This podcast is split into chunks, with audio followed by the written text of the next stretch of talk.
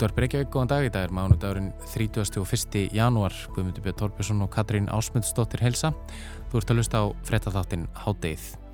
Nánast öll börn hér á landi á aldurspilinu 9 til 18 ára eiga eigin farsíma. Almenn netnótkun eikst með aldri barna og verður tvöfalt meiri millir úlingastegs og framhaldsskóla. YouTube verðist vera langvinnsalasti miðlinn meðal íslenskra barna og úlinga.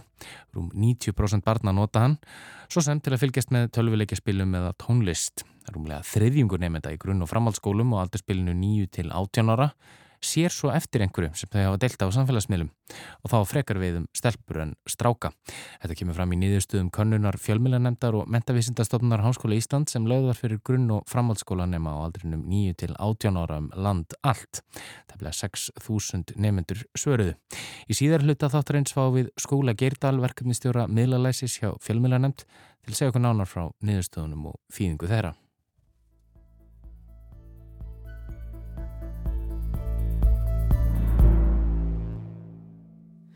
En við byrjum í Kanada.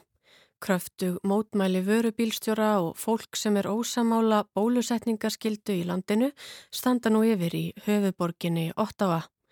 Tugir atvinnubílstjóra kerði yfir yfir Kanada í vikunni sem leið og vöktu aðtikli á málstað sínum og virðast ef markam á fréttamindir njóta töluver stuðnings. Spjótin beinast að fósettisráðherranum Justin Trudeau sem gefur lítið fyrir málflutning bílstjórana og kallar mótmælendur illa upplýstan minnihlutahóp. Um 700 miljónir íslenskra króna hafa sapnast til stuðnings mótmælendum. Guðmundur Björn tekur nú við og fer nánar yfir málið.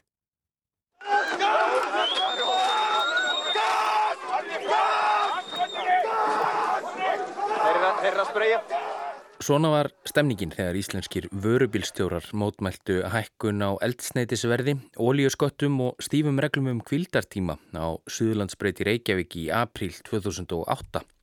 Aðrar eins stimpingar millir lauruglu og mótmælenda hafði ekki sérst áratugum saman á Íslandi. Vopnuð óerðarbúnaði spröytaði laurugla piparúða og handtók bæði bílstjóra og aðra mótmælendur. Var litla Ísland búið að tapa sagleysinum, spurðu margir áhöröndur kvöldfrétta tíma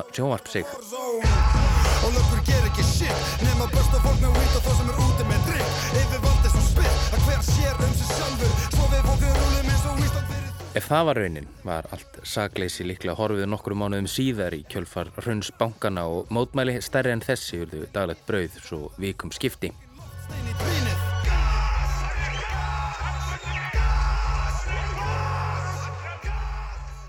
Og mikill er máttur vörubilstjórans því líkt og vormánuðum 2008 á Íslandi hafa vörubilstjórar nú farið fyrir kröftu mótmælum vísvegarum Kanada síðustu daga.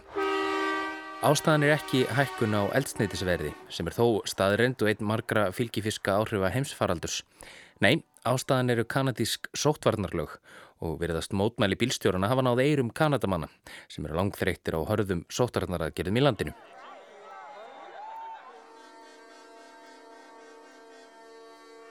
Við heyrum hér kanadíska vörubílstjóra þennja flauturnar í Ontario-ríki í suðaustur hluta landsins á fymtudag. Í vegkantinum standa hundruð mótmælenda.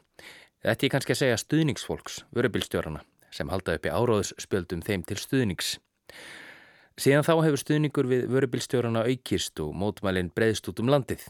Í rúma viku kerðu týjir kanadískra vörubílstjóra í bílalest yfir þetta gríðarstóra land og vöktu aðtekli á málstað sínum og í gær lauk þessum vikulanga rúndi í höfuborgin Óttava og kröftu mótmæli hófust fyrir utan þingúsið.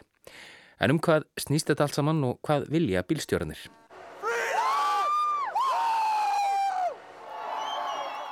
Fyrir þessum mánuði fyrir skipaði ríkistjórn Justins Trudeau's fórsettisar á þeirra að vörubílstjórar sem kæmu yfir landamærin frá bandaríkunum þurftu að vera bólusettir til að fá engöngu í landið. Samsagt skildu bólusetning á bílstjóra. Fyrir óbólusetta vörubílstjóra hefði þetta þýtt að þeir hefðu þurft að fara í sóttkví við heimkomu.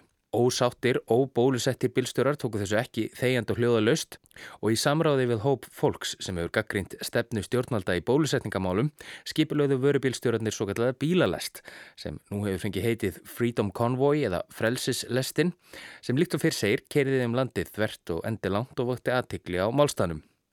Því austar sem bílalestin hjælt því betur náði hún eirum almennings og kröfur mótmælenda eru núarnar meiri en þær voru í upphafi Stjórnvöld skul ekki aðeins afnema bólusetningaskildu bílstjóra, heldur bólusetningaskildu yfir höfuð. Sótvarnar aðgerðir í Kanada eru tölvert strángar en hér á landi, en þar þurfu allir sem ferðast með flugvel eða lest að hafa fengið bólusetningu við COVID-19 og allir ofnberi starfsmenn og allt starfsfólk á vegum ríkisins. En þetta er ekki allt. Á vefsíðinni GoFundMe hefur sapnast yfir 7 miljónir kanadískra dollara eða því sem nefnir tæplega 700 miljónum íslenskra króna frá yfir 100.000 manns til styrtar bilstjórunum og aðgerðum þeirra. Hvernig þeim fjármunum verður varið á eftir að koma í ljós en mótmála reyfing bilstjórana hefur fengið stuðningur óvendum og fjársterkum áttum meðal annars frá hlaðvarpstjórnandanum undelda Joe Rogan, frá Donald Trump yngri í fyrir um bandarækjafósetta og breska uppistandaranum Russell Brand. Nú, þegar frelsis lestinn er komin á leiðarenda í Ottawa, er það ætlun mótmælenda að halda mótmælunum áfram fyrir utan þingúsið að minnstakosti fram yfir helgi. Just uh, sick of the mandate, sick of uh, being told what to do. Ég er orðin þreytur á þessum reglugerðum. Ég er orðin þreytur á því að vera sagt hvað ég á að gera, sagði bílstjórin við komuna til Ottawa. It's a, it's a free country, or at least it used to be. Þetta er frálst land, bætti hann við, eða var það að minnstakosti. Annar bílstjóri sagði að nú væri nóg komið, málað linni. Þeir hefði verið hlýðnir og farið að fyrirmælum í tvö ár. The mandates have got to stop. We've been obedient and we've done our job for two years. It's just time. We need to have our lives back. Og svo er það þau sem telja að kanadísk stjórnvöld ganga lengra en önnurlönd. Why are other countries wide open and we're completely shut down? So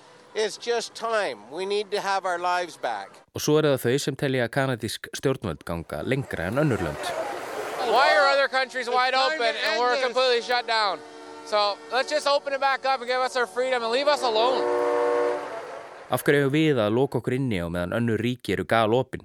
Látið okkur hafa frelsið tilbaka, látið okkur í friði. En það er ekki bara vörubilstjórar sem láti í sér heyra. Þessi kona var spurðað því hvort mótmælinn beintust persónlega Justin Trudeau fósittisráðara.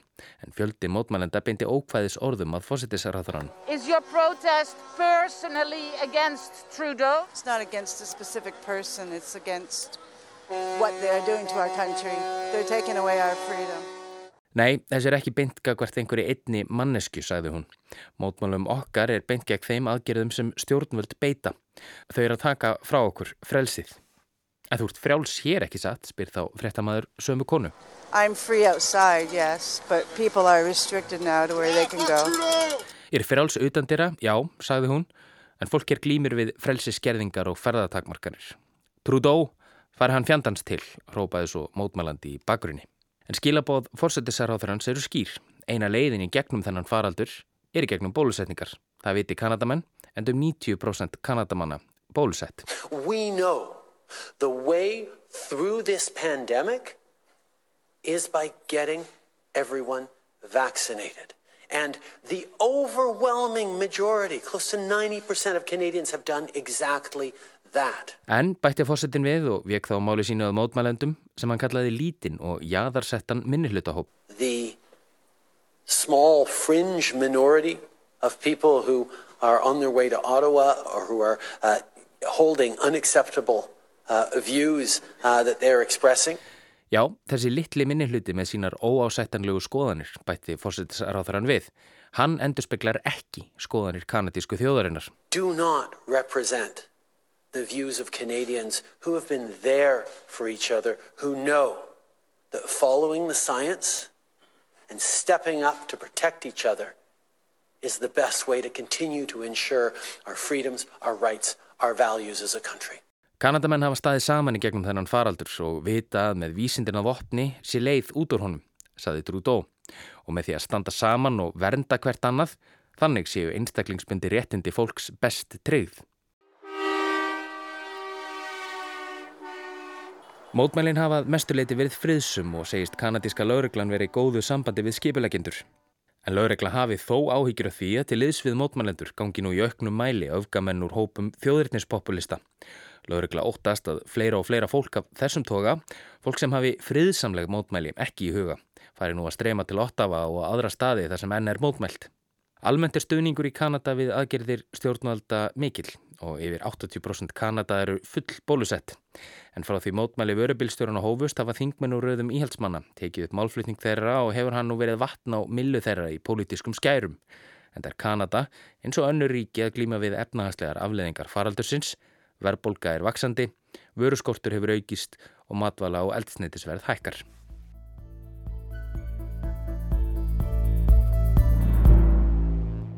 Næstum öll börn á aldrinum 9-18 ára hér á landi eiga farsíma.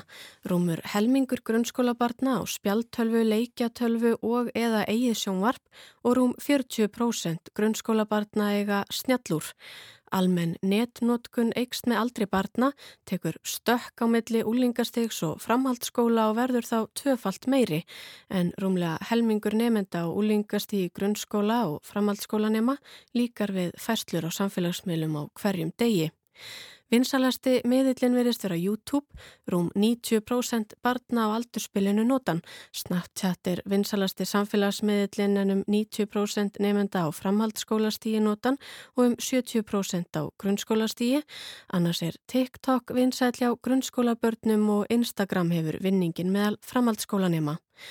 Helst sækist yngsti aldursópurinn í að fylgjast með tölvuleikjum og fólki að spila þá en meðal úlinga og framhaldsskólanema er vinsalast að fylgjast með tónlist á netinu og tölvuleikjaspil fylgir þar á eftir. Hátt hlutfall barna veit ekki hvort samfélagsmiðla aðgangur þeirra er opin öðrum eða lokaður en hlutfallið lækkar talsvert eftir að komið er á úlinga og framhaldsskólasteg. Þá eru fleiri börn og úlingar með lokaðan aðgang á samfélagsmiðlum en opin. Allt þetta kemur fram í nýri skýrslu fjölmiðlanemdar og mentavísindastofnunar Háskóla Ísland sem um tækja egn og virkni á samfélagsmiðlum meðal grunn- og framhaldsskólanema á aldrinum 9 til 18 ára. Um 6.000 börnúlingar úr 23 grunn- og framhaldsskólum um landa allt söruðu könnun stofnanana. Þetta er fyrstu nýðustöðunar sem byrtast, að, byrtast en vonar á frekari nýðustöðum sem snúða til dæmis að kynferðslegum aðtöfu sendum á netinu, öryggi barna og ungmenna á netinu og í tölvuleikjum og fjölmiðlanótkun þeirra. Til okkar er komin skúli Bræi Gerdal verkefnastjóri miðlalæsir hjá fjölmiðlanemnd og þú veist æði meira um málið. Velkomin skúli. Já, takk fyrir það, Kjella. Sko hvað segir þessi skýrsla okkur, uh, er þetta að draga einhverjar álíktanir af niðurstöðunum? Kom eitthvað óvart? Kom uh, mjög margt óvart en, en að sjálfsögðu ekki allt sumt er svona eitthvað sem er haft tilfinningu fyrir að, sé svona í samfélaginu. En við höfum ekki kannski tölfræðilegar upplýsingar til þess að bakkað upp til þess að staðfesta þær. Uh, þannig að svona skýslur eru alltaf mjög mikilvægar og við höfum fundið strax mikinn áhuga innan fræðasamfélagsins að komast í þessar niðurstöður til þess að gera enn frekari rannsóknir því það er skortur á þeim. Og það sem okkur vantar hérna helst hér er samaburðið milli ára þannig að við ætlum okkur að gera þessa skýslu svona tveggjalli þryggja ára fresti. Eh, en það er náttúrulega mjög margt í, í þessari skýslu og, og þetta er náttúrulega fyrsti hluti af, af fleiri. Þannig að hérna, við ákveðum að skipta upp svo við myndum ekki drukna alveg í upplýsingum. Eh, en ég held að sem er mikilvægt að þó að sé margt kannski neikvægt, margt sem að myndu vilja laga að horfa jákvægt á þessar niðurstöður. Eh, það að farsíma sé orðin svona algjör Uh, og það að krakkandi að nota samfélagsmiðla að nota netið, það er veruleiki sem við búum í í dag. Um þetta er rosalega neikvægt, við þurfum einhvern veginn að setja bóð og bönn, við þurfum miklu meira að, læra að lifa með þessu. Maður er mitt hugsað það eins að sko samfélagsmiðlar og þessi snjall tæki þau taka sífelt stærra pláss í lífum okkar og í samfélaginu. Um, sko um þetta er raunhæft að reyna að streytast á móti eins og segir sko, er það til einhvers er þörf á því?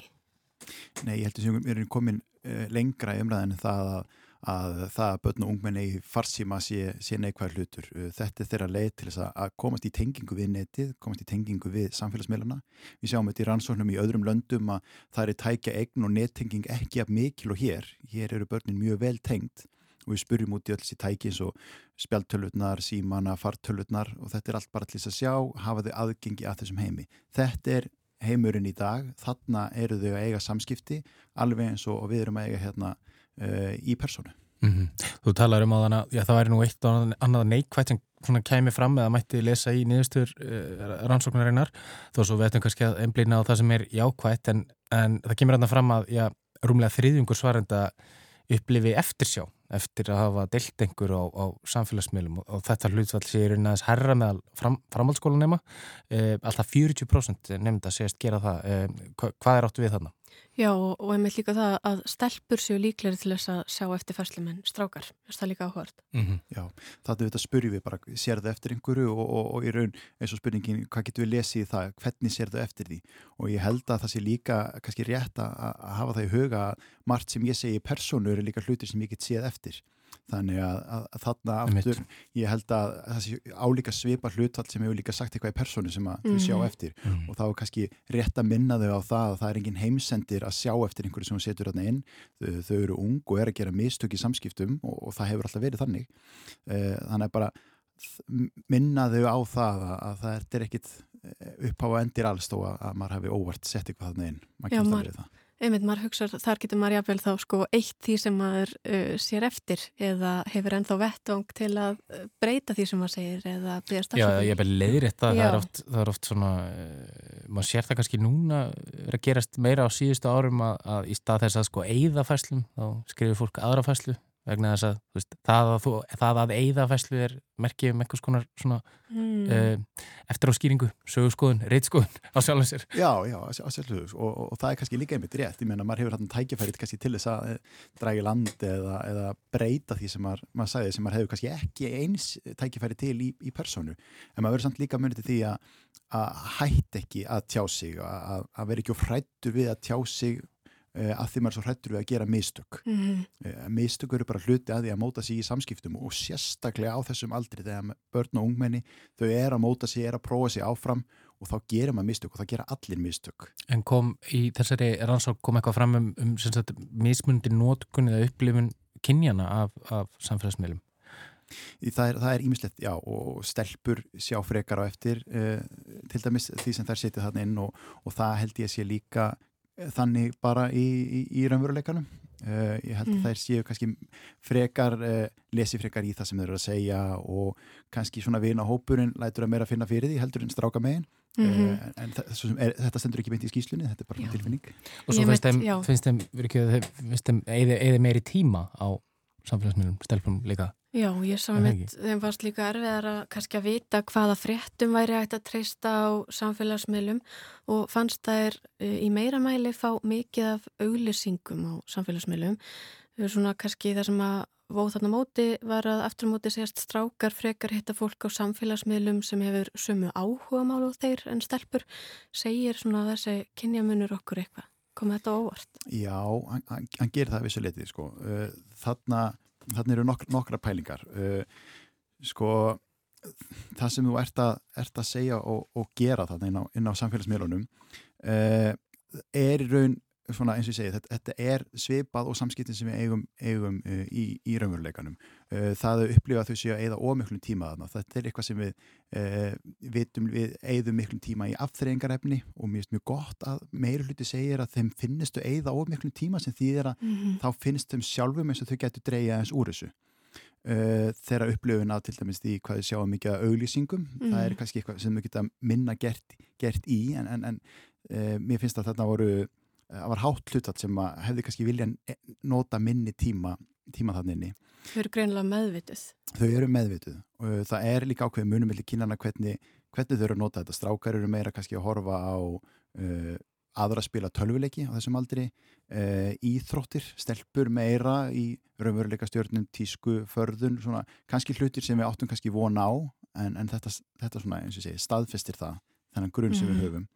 Uh, þau ert, það er kannski bara rétt að um þriðjungur sem að deili því sem þeim finnist mikilvægt mm. og það segir manni og kannski á það líka bara við um okkur öll, við erum kannski ekki endilega að deila alltaf því sem okkur finnst mikilvægt, við erum að deila bara alls konar hlutum og við erum ofta að deila hlutum bara til þess að fá að vera með og til þess að taka þátt mm -hmm. þannig að það er spurning þegar þetta fyrir að geta upp svona mikinn tíma er rétt að láta þetta nota svona mikinn tíma þegar við erum ekki einu sem notið þetta í eitthvað sem okkur finnst mikilvægt Nei, einmitt. Ég held að einmitt, eh, notkun fólk bara yfir höfuð á samfélagsmiðlum er náttúrulega mjög ólík hvað þetta var það sem að sumir notaði einmitt ég, til þess að bara eh, setja inn eitthvað grín eða einhverjar saklösa myndir eða eitthvað meðan aðrir náttúrulega notaði þetta kannski bara í hörðum uh, tilgangi til þess að koma einhverjum skilabóum framfæri. Já, og það, það held ég líka bara fyrir okkur sem fóröldarum sem erum að, að lesa þessa skýslu og við eins og við þessa miðla mm -hmm. og, mhm. og það er líka mikilvægt að við vörpum ekki allir ábyrðuna á börn og ungmenni og segjum já þau kunna svo vel á þetta, þau kunna að nota þessi tækju upp miklu betur en ég en það sem við getum kannski komið inn er þetta input með hvernig við kennum krökkum og ungmennum á samskipti og við sjáum það þarna stór hluti, sérstaklega yngsta aldursóknum, þau veit ekki hvort aðgangur þeirra opinn eða lokaður. Já. Uh, þau gangi inn á samfélagsmiðluna án þess að ekki átta sig á því hvernig þeir virka, þó þau kunni hvernig að posta og læka og nota miðlinn, en kannski ekki hvað er á bakviðan. Mm -hmm. uh, Myndur þá segja að það veri kannski þarfara uh, að, að fóreldra reyði þetta samtali bönni sínum hvernig þau nota þessa miðla frekar en að já, miðlanir sjálfur breyti sér eða breytist einhvern veginn uh, til dæmis með því að já, Eh, ég veit ekki, ég hafa, hafa einhver svona skýrari mörg fyrir börn, sko, opinlokar, afgangur, eitthvað svo leiðis, eh, er þetta ekki meira bara spurningum með þetta fóröldra að segja, herru, svona er þessi miðl, hann er líklega ekkert að fara að breytast, sko, hann þarf á þér að halda þessi notanda, mm eh, en þú þarfst að passa þig á þessu og hinnu.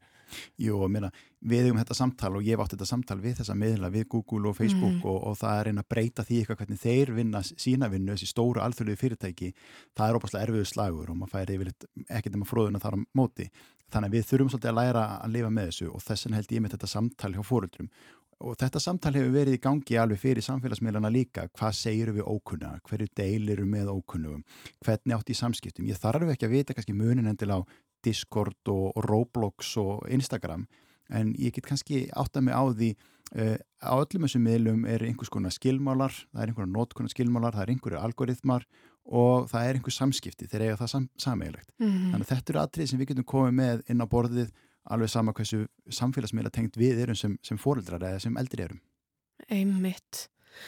En þetta er í rauninni, þetta er fyrst fyrsti hlutin sem þið byrti sérst, úr þessum niðurstu þessar umfangsmiklu uh, kannunar það er vona frekari niðurstöðum Hva, sérst, hvaða niðurstöður er það? Hvað voru það að kanna og hvenar er við vonað því að, að heyra meira? Við ætlum að gefa þetta út núna í janúar, februar, mars er svona það sem við stefnum á við erum hægt með kynferðsli komment og nektarmyndir og það er líka skýsla sem ber að taka mjög alvarlega uh, og það, á þá skýslu það, við lítum neikvæðum augum á hana það er, mm -hmm. það er mjög, við þurfum að breyðast við henni uh, að því ég var að tala um auðvitað um að taka jákvægt á sumum upplýsingum sem er náttúrulega, þú veist, það er farsíma og notið samfélagsmiðlana, það er allt annar allt annar handlikur. Mm -hmm. Öryggi á netinu við erum hann að skoða tölvilegja spilun, við erum að skoða uh, bara upplifun af netinu uh, einmitt hvaða upplýsingum treystur líka, falsfréttir og Og, og þau eru í miklu mandræði þarna því við erum líka alltaf að segja þeim, já passið ykkur, notið kakriðna hugsun, ekki treysta upplýsingum. Þannig að við erum líka að passa okkur því að þau veitir líka einhver staðar að séu til staðir sem hægt er að treysta. Mm, mm -hmm. Einhver staðir geti fundið upplýsingar sem ég má treysta. Þetta er, þetta er ekki allt saman þvæla. Akkurat. Og í rauninni, maður veldi fyrir sér sko, þá þarf þá kannski þessa mismunandi niðurstur kalla þá kannski á mismunandi viðbröð. Alveg klálega og, og við þurfum að bregast við þeim bæði er þetta upplýsingar sem við getum notað sem, sem fóreldrar, þessar skýslur er allar aðgengilegar, kennar geta notaðir og síðan eru við með stórt tengslanit stopnana á fyrirtækja sem eru að vinna að því að, að koma þessi í réttan farveg og búa allir fræðslefni. Ummitt og það verður alveg klálega allavega til meira samtal. Já, við þurfum að samtal um þetta samtal sem er eigast í stað, mm -hmm. það er klart. Við komstum mér ekki lengra í bíli en við býðum spennt eftir næstu niðurstöðum. Kæra þakkir fyrir komuna skúli Bræi Gerdal, verkefnastjóri miðla læsis hjá fjölmiðlanemt. Takk fyrir mig. Þetta verða lokaórðin í hátteginu í dag. Við verðum hér aftur á sama tíma á morgun. Þátturinn er einni aðgengilegur í spilaranum og á hlaðvarpsveitum og þá er þetta að senda okkur post með ábendingum á netfangið háttegið hjá rúf.is. Verið sæl.